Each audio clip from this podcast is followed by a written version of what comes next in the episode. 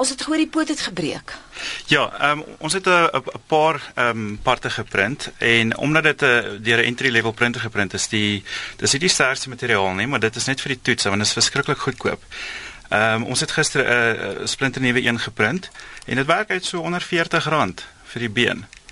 En ehm um, so ons gaan nou reeds vanmiddag gaan ons nou sy nuwe groter poot ehm um, basies aanpas en dan gaan ons ook kyk na wat se veranderinge moet ons nog maak. So ons kan nou mooi toetse doen en kyk hoe loop hy jy weet wat wat moet ons bysit? Waar moet die aanpassings wees? Ja, ons ons het 'n paar idees ook om uh, ons wil bietjie eksperimenteer. So ons gaan byvoorbeeld soos 'n hele rubber omhulsel omsit wat dit ook meer realisties gaan maak en ons behoort 'n beter jy weet hy behoort beter te kan loop, behoort beter te kan buig. Speel jy lekker? Ja. ek kan sien.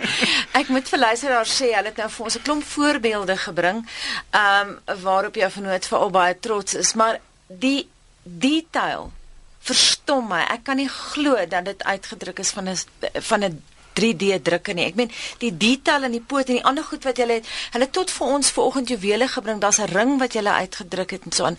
Mense kan dit nie glo nie. Dis 'n absolute wonder van die 3D drukker.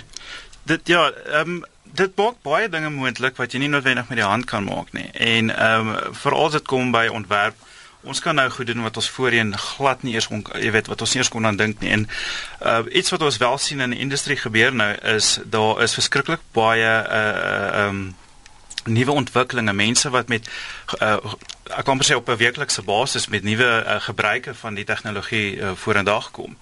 En ehm um, dit is nogal amazing om dit te sien. Sê vir Philip, is Suid-Afrika 'n voorloper op die gebied? Ons staan definitief nie terug vir enige iemand nie. Ehm um, ons is 'n baie klein groepie mense wat dit doen. Uh tans uh, dit is al 20 jaar in Suid-Afrika. En ehm um, ons werk hand in hand saam met instansies reg oor die wêreld. So ons staan definitief nie terug nie. En, en ek ek dink baie van die ontwikkeling, baie van die nuwe goederes kom eintlik van ons kant af. Nou nie noodwendig op die ontwikkeling van die printers nie, maar op die gebruik van die tegnologie. Nou ek weet dat Philip jy's ook betrokke by navorsing oor protese vir mense wat met 3D drukkers vervaardig word. So dit gaan nie net oor as jy die gaan sien nie en dis eintlik belangrik vir ons luisteraars om te weet. Dit dis ja, dis eintlik 'n baie groter storie. Uh, ons is besig om 'n uh, uh, foundation te skep. Ehm um, dis die, the Phoenix Foundation for Advanced Research and Development. En die hele idee gaan daaroor dat ons die nuwe tegnologie en, en en ons kennis gebruik om 'n uh, ontwikkeling te kan maak met met met die tegnologie. So ons het ons het 'n hele paar projekte wat ons aan werk en ons werk hand aan hand saam dokters uh wat dan ook ehm um, jy weet seker maak dat die goeders reg is. So ons stig basies 'n think tank en uh, om die tafel het ons dan kenners van elke veld wat daar sit en ons soek ook mense byvoorbeeld van verskillende velde wat dalk niks noodwendig uit te waai het met die met die mediese kant nie maar die die input wat hulle kan vir ons gee van van hulle industrie af en die gebruik jy weet hoe hulle die goeders mm. gebruik uh, gee vir ons nuwe idees van hoe ons goeders kan ontwikkel. Nou baie goeie vriend van my, Jamie Els, ehm um, doen protese. Hy doen nou die tradisionele, hy doen dit op die tradisionele ja. manier. Wat gaan van hulle word? Gaan hulle hulle werk verloor nee, as hulle nee. so voortspeel? dit sal nooit weggaan nie. Ons probeer nie enigiets uh, vervang nie.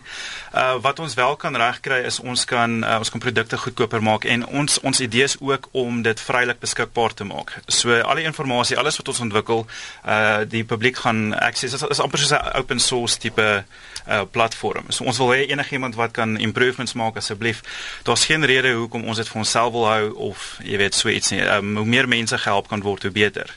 Kom ons gaan terug na Asie toe, maar voor ek by hom kom wil ek vinnig nog iets vra. Jy het speelgoed saamgebring ook. Ek het nou-nou verwys na 'n pragtige ring wat jy gebring het. Uh, die detail is ongelooflik. Ja. Maar jy het ook nou speelgoed gedruk. Het einde is nie of hoe? Ehm um, ek dink nie daar is 'n daar is 'n einde aan wat gedoen kan word nie. Um, ons kan letterlik enigiets ontwikkel en die die die die lekker ding van die tegnologie is ons kan um, ek het byvoorbeeld 'n leg cover wat ons gedoen het vir 'n pasiënt ook en um, basies wat ons daar doen is ons ontwerp uh, op 'n dis vir 'n uh, bestaande protese soos 'n cover wat basies net omklik. En ons kan nou miniatuur uh um, voorbeelde print en die toetse doen voordat ons oorgaan na die groot produksie toe. So vir toetse al daai tipe goeders dit is dit maak alles net soveel soveel makliker. Philip, wanneer gaan julle op die vlak wees wat tradisionele protese alreeds is? Wel, um, ons op die stadium werk ons op 'n uh, komponente. Uh, so 'n uh, groot projek vir ons is 'n adjustable socket, um, byvoorbeeld, so waar uh, dit 'n klipharde uh, uh, um, carbon fiber produk is op die oomblik. Uh, scan ons eintlik die persoon se se been en ons maak eintlik 'n socket wat 100% pas. So dit is net vir daai persoon, maar dit is ook adjustable so dit kan oop en toe maak. Ehm um, so op die stadium kyk ons na komponente. Ons het ons het 'n voetprojek wat ons aan werk. Ehm um, vingers, ek is nou besig met 'n arm byvoorbeeld. Hmm. Uh, ons doen gesigprostese wat ons nou neuse en sulke tipe goeders doen. Ehm um, en ek dink ons ons beoog om op die einde van die dag 'n uh, been te ontwikkel wat ons kan uh, uh, massa vervaardig um, wat ons um, wat heeltemal adjustable is en dit gaan dit moontlik maak vir ons om baie baie goedkoop bene te maak.